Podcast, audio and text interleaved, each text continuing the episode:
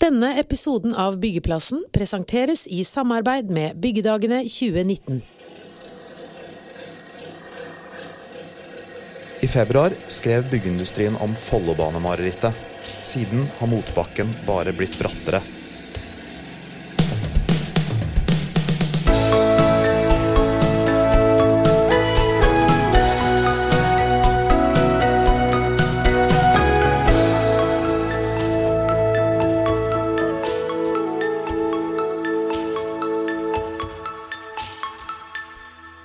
Neste episode av Byggeplassen får du høre historien til en av italienerne som jobbet på Follobanen. Men nå Sent på ettermiddagen 10.1.2018 får byggeindustrien tips om at Bane Nors Follobaneledelse er på vei til Roma i hastemøter med ledelsen i Condotte. Condotte hadde to av fem kontrakter på gigantprosjektet til en verdi av 3,5 milliarder kroner. Bakgrunnen for møtet i Roma er at Follobaneentreprenøren for andre gang på et drøyt halvår ikke betaler sine norske underleverandører, og at arbeidene er i ferd med å stoppe opp. Smilene fra kontraktsigneringene mellom daværende Jernbaneverket og Condotte i februar og i desember 2015 har stivnet. Vanligvis pleier vi å si at vi trenger gjester, eh, men denne gang har vi delt opp episoden i to, og i neste episode kommer det som sagt én gjest. Men denne gang er programlederne Christian Aarhus og Frode Aga, og vi har fått med oss sjefredaktør Arve Brekkhus i Byggeindustrien. Og Frode, fortell litt om tipset du fikk.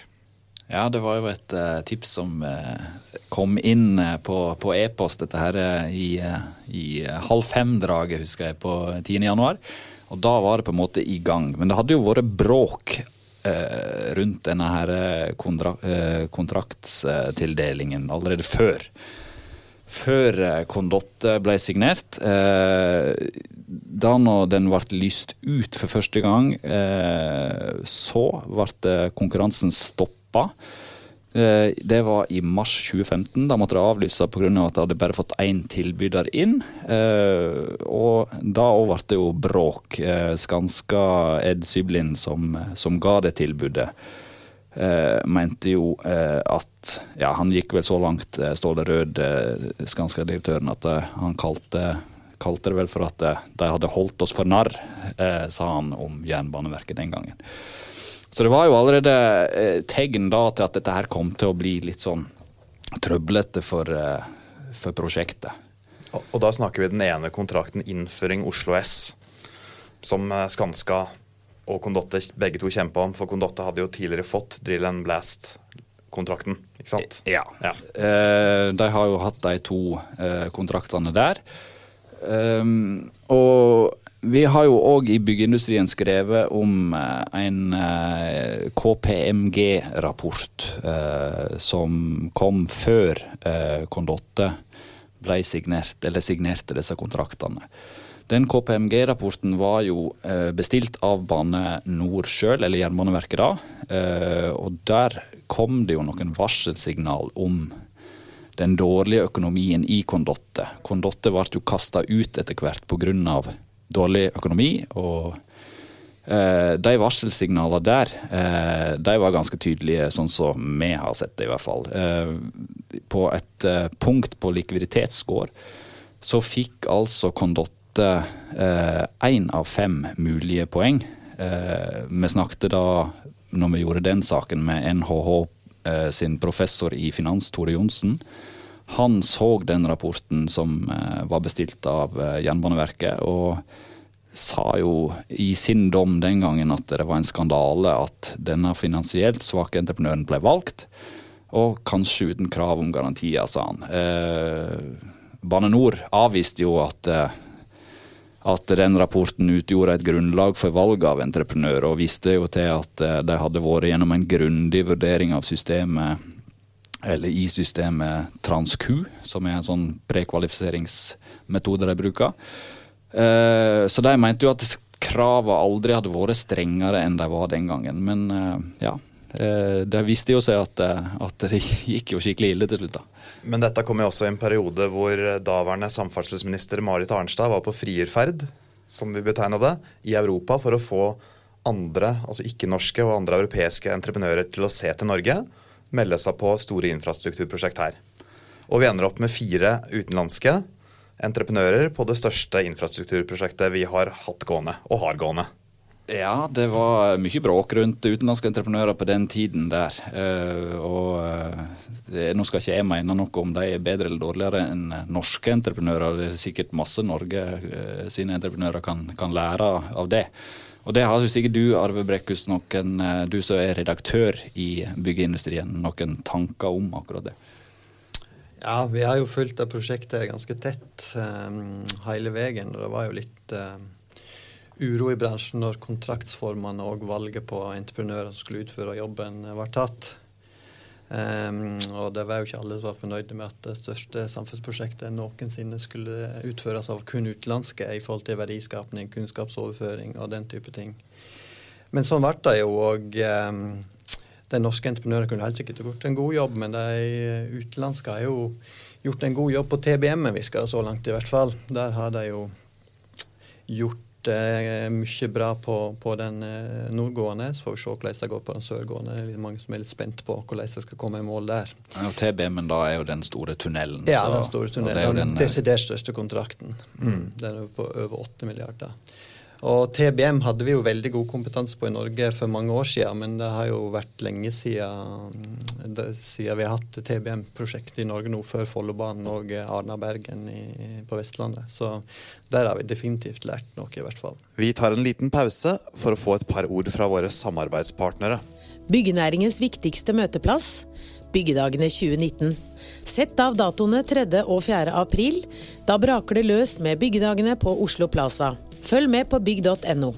Og da er vi tilbake på byggeplassen. Men drill and blast er jo noe vi har god kompetanse på. Og jeg husker når Condotte fikk den kontrakten, så var det flere som påpekte at dette er jo, er jo kompetanse som vi i Norge bør eksportere og ikke importere. Ja, Det var jo spesielt den kontrakten de fleste så for seg at de norske skulle få, få avtalen på. For der var jo alle de store norske med. og det er liksom vi liker jo å si at vi er verdensledende på akkurat drill and blast, og det er vi òg. Så når verken AF eller flere andre store fikk den, så var det mange skuffa fjes, husker jeg, i bransjen. Og så får også Kondotte innføring Oslo S etter at kontrakten blir lyst ut for andre gang. Um, Skanska reagerer på det, tar saken til retten. For Kondotte er flinke og finner en løsning som ikke er skissert uh, i papirene, men som viser seg å være en bedre løsning. Dette sier vel Skanska også i, i, retten, at det er en bedre løsning. Problemet er at i anbudspapirene, i part 1-dokumentene, så er det skissert en fjellskjæring i Ekebergåsen som ikke er forenlig med løsningen Condotte velger. Uh, denne rettssaken pågår i Oslo tingrett i uh, syv dager. og dommen ender opp med at staten blir dømt til å betale 306 millioner kroner til Skanska. Denne dommen er anka og skal opp i Borgarting seinere i høst. Men allikevel, varsellampene begynner å blinke her. De begynner å blinke med likviditeten. Så begynner betalingene å utebli til underentreprenørene. Fortell litt om det, Frode. Ja, jo, Det var, skjedde jo faktisk da først eh, sommeren 2017 at de første problemene dukka opp. Eh, da eh, stoppa mye av arbeidene opp i flere uker fordi at eh, under, underleverandører til Kondotte ikke fikk betalt. Og så gikk da Bane Nor veldig aktivt inn og gjorde grep. og Condotte fikk vel eh, litt orden på sysakene sine igjen, og pengene kom. Eh, og så er det da dette her eh, skjer igjen i januar, at, at det er full brems igjen. Og da er det jo veldig alvorlig for Kondotte. Eh, de norske underleverandørene stopper igjen opp. De kan jo ikke gå på og jobbe som, som, vanlig der uten å få, få garantier for at pengene kommer inn. Og så er det da eh, 30. januar så eh, får vi en ny melding fra Bane NOR om at eh, nå, kan, nå, har prosjektet stått så lenge at nå kan ikke de eh, ta en risiko, større risiko, og kaster da Kondotte ut av prosjektet. Eh, de, eh, italienerne lykkes jo ikke med den redningsaksjonen som de prøvde å, å, å få i gang. Eh, og i juli i år så begjærte jo de seg da konkurs. Mm. Men det er ikke konkurs ennå. Eh, så det der er jo et sånn treghet i det italienske systemet. Så nå har italienske stat, etter som jeg har forstått, gått inn og, og har administrasjonen av selskapet da, i et forsøk på på reddere. Eh, hvordan det ender opp, det, det, er jo ikke godt å si. Men De er ikke i konkurs, og de får fortsatt og er i større eller mindre grad med på store infrastrukturprosjekt som blir delt ut allerede i høst. Ja, men da er det som en minidel mini av, av, det. Sånn som i Danmark, på, eh, på ei stor bru der, så, så er det inne på 0,01 og Der òg har det jo vært skikkelig bråk eh, rundt en stor eh, milliardkontrakt der de har vært inne. da. Eh, så ja, det er ikke bare i Norge det har skapt problem. Nei. Men det, så, det, som eh, er litt eh, spennende nå eh, altså Det er jo ting som bare ruller og går, dette her. For nå er opprydningsarbeidet i gang. sant? Nå er det delt ut nye kontrakter for ja, 1,2-1,3 milliarder kroner til en fire andre entreprenører. Mm. Uh, som, som, da skal inn og gjøre den jobben Kondotte skulle gjøre. Og så er det jo sånn i vår bransje at med, når sånne ting skjer, så får du alltid tips om nye ting som uh, rører seg. Og det er jo ikke tvil om at Follobaneprosjektet har hatt eh, utfordringer ikke bare med entreprenør, men òg internt i, i Bane NOR. Mm. Mm. Har et, vi har jo et par saker nå de siste ukene avslørt en del ting. anskaffelseslederen på prosjektet har jo da hatt Han har vært innleid til Bane NOR. Eh, via eh, rammeavtalen som Dovre Group har hatt med Bane NOR. Eh, han er da sjøl ansatt i sitt eget konsulentselskap som heter Mediatør. Og Mediatør har da i 2016 ikke Eller 2017 blir det vel, da, men for 2016 regnskapene sine ikke De er ikke levert inn sånn som er lovpålagt. Mm. Så da er det en sak som har dukka opp i tingretten, og eh, NO, eh, selskapet hans er nå da under tvangsoppløsning, som eh, skaper ytterligere problem for, for Bane NOR. Og her er det på sin plass å si at vi gjerne skulle hatt Bane NOR til stede i byggeplassen. De har fått tilbud om å komme, men ønsket ikke å være her. Og vi har også hatt gjentatte forsøk med å få Condotte i tale om deres aspekter i Follobanen, men de også glimrer med sin, sitt fravær av svar. Ja. Og i, i, det arbeidet her så viser det også at, eh, at en, eh, en av eh, direktørene i Bane NOR-systemet òg da har eh, et styreverv eller et varaverv da, til, til, det selskapet til, som har legget ut eh, anskaffelseslederen. Så det er jo eh, litt sånn med rolleblandinger og, og, og sånn som, eh, som dukker opp underveis. Men det er flere koblinger òg. Det er flere koblinger mellom de som sitter i ledelsen i dette store prosjektet. Eh, fortell litt om det, Frode.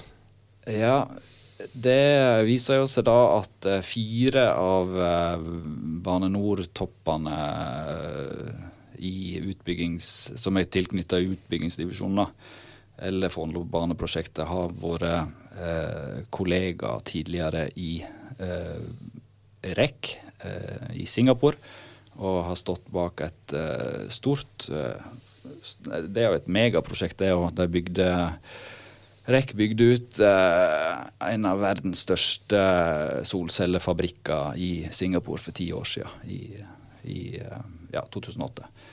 Og der var altså fire Bane NOR-topper.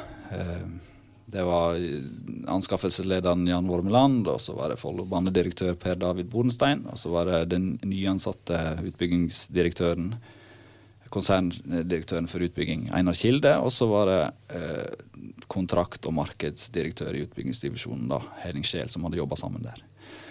Det har jo vi belyst. Uh, har prøvd å fått uh, svar på en del spørsmål uh, eh, knytta til det, uten å helt uh, komme i mål. Men så Vi snakket jo bl.a. med Gorm Frimannslund, konsernsjef i Bane NOR, og han avviste at, at, det var noe som At det var noe vennetildeling av jobber i Bane NOR. Men dagen etter så kom det likevel en melding om at de hadde satt i gang en intern undersøkelser av, av det, for, for, å få klarhet i en del spørsmål som vi hadde stilt, og som de ikke helt uh, kunne gi svar på der og da. Så Det blir jo spennende å se hva som kommer ut av en, en sånn in, intern undersøkelse. da. Men Arve, burde en sånn undersøkelse med tanke på, på byggenæringen og renommeet, burde den være intern, eller burde det være en ekstern undersøkelse? Jeg tenker jo for både miljøet rundt, men òg for Bane NOR internt, så hadde det nok gitt enda mer troverdighet om det hadde blitt en gransking gjennomført av et eksternt firma eller byrå. For da hadde jo saken fått mer troverdighet enn at folk som har vært i sfæren rundt der, skal granske seg sjøl. Det syns jeg i hvert fall. Eh, men det har vært flere eksempler på rolleblanding i Follobaneprosjektet, bl.a. mellom byggherre og entreprenør. Ja, med, i, uh, i, høst så kunne vi skrive en sak om en prosjekteringsleder på Follobanen som uh, valgte da å stifte et konsulentselskap sammen med en av prosjekteringslederne til Condotte. Uh, det skjedde i fjor høst, samtidig som Condotte fortsatt var på prosjektet. Da, eh, tanken til de to var å starte et konsulentselskap som skulle selge italienske eh, prosjekteringstjenester her i Norge. For italiensk prosjekteringsarbeidskraft er billigere enn den norske. Så det var liksom businessmodellen. Eh, nå understreka jo han eh, prosjekteringslederen som var legget inn fra Bane NORs side, eh, at dette var et sovende selskap, og at tanken deres var oss, i tilfelle å ha aktivitet i selskapet den gangen eh, de var på vei ut av prosjektet. Og han understreker at begge to var på vei ut av prosjektet da når de, da når de stifta dette selskapet. Men det har jo òg vist seg, eh, sånn i ettertid så så vi jo eh, videre på, på um, denne prosjekteringslederen sin virksomhet på Follobanen. Han var da legget inn i en seksårsperiode til en kostnad på 12,7 millioner kroner. En anselig sum. Mm. Og samtidig så hadde han eh, roller i eh, ni ulike selskap. Blant annet et eh, stort lakseprosjekt på Rjukan der jeg skulle hente inn en halv milliard kroner. Så det var altså Samtidig som han jobba 100% på Follobanen? Samtidig som han jobba 100% på Follobanen. Så Eh, men det skal da ikke ha gått inn eh, ha hatt innvirkning på eh, jobben hans på Follobanen, sier han da. hvorvidt det er mulig eller ikke, det får andre bedømme. Men det var i hvert fall en sak som politikerne òg beit seg merke i, og den kom da opp i som et skriftlig spørsmål til samferdselsministeren fra Arbeiderpartiet. Så de ville ha klarhet i, i det. Fikk de noe klarhet? Nei, egentlig ikke. For uh, samferdselsministeren sitt svar, var, der sendte han vel ballen bare videre til styret i Bane NOR. Så ble det ikke noe klokere av den. Men Bane NOR uh, de sa jo eh, at vedkommende hadde brutt informasjonsplikten. da. for de, når han stifta det selskapet sammen med den italienske prosjekteringslederen. Så Eh, de har i hvert fall tatt tak i det og varsla en intern gjennomgang av sine rutiner der. Og så eh, nevnte jo vi så vidt eh, rolleblandinga i stad med den direktøren og anskaffelseslederen i Follobaneprosjektet. Og så er det jo kanskje greit å bare understreke at eh, han direktøren i eh, Bane NOR, han sier jo at han har vært en passiv eh, varamedlem i det styret, og at ikke han har blitt informert fortløpende om utviklingen i eh, selskapet. Og eh, ja, han anskaffelseslederen har vel også tatt på seg all skyld for at han ikke avregistrerte vedkommende. Så vi får se hva som kommer ut av den granskingen. Også en annen ting. Vi skriver jo mye om Bane NOR, og noen vil kanskje mene at vi er ute etter å ta det. Men hvorfor er det viktig at vi følger opp denne type saker? Hvis du tenker på Bane NOR som en stor offentlig byggere, og Follobaneprosjektet spesielt da, som tidenes største norske samferdselsprosjekt, så er det jo helt naturlig at vi følger det prosjektet tett. Og det har vi gjort hele veien, både i forkant og underveis og nå i gjennomføringsfasen. Um, og det at uh, de har hatt utfordringer underveis, det er jo helt tydelig, og det er jo noe som vi selvsagt må følge opp hele veien. Og det vi diskuterer akkurat nå i forhold til organisering på Follobaneprosjektet, er jo òg interessant å se på, helt betimelig at vi ser nærmere på når vi ser litt på måten eh, organiseringen har skjedd, ansettelsen har skjedd. Det stiller i hvert fall en del spørsmål som fortjener svar. Det er jo ikke sikkert det er noe kritikkverdig her, men det fortjener definitivt at vi ser nærmere på det. Og Det har vi òg sett på responsen, både blant lesere og innspill vi har fått rundt, eh, rundt denne saken. Mm. Opplever du at det er en åpenhet i Norges, eh, blant den offentlige byggherre i Norges største infrastrukturprosjekt? Frode? Eh, både ja og nei. Eh, det er i hvert fall tidkrevende å få svar, kan være. Oftest så får vi svar på e-post. og Jeg har fortsatt mange spørsmål ute som ikke har fått svar på. Men vi har òg opplevd da når det smalt og Condotte ble kasta ut, så var jo vi invitert ned eh, for å snakke med ledelsen ganske kjapt etterpå. Da var det eh, en litt annen åpenhet, da. Men skulle jo gjerne ha fått dem mer i tale, og skulle gjerne hatt dem her nå. Det hadde jo vært mye mer eh, interessant og sikkert mer balansert å, å få dem her i studio med oss. Mm. Neste episode så har vi som sagt en ansatt fra Condotte som kommer hit for å prate med oss. Eh, Tusen takk til deg som lyttet. Takk til Arve Brekkhus. Takk til produsent Alf Magne Higelstad. Kristian Aarhus og Frode Haga har vært programledere. Vi er veldig snart tilbake med en ny episode om Kondotte og av byggeplassen.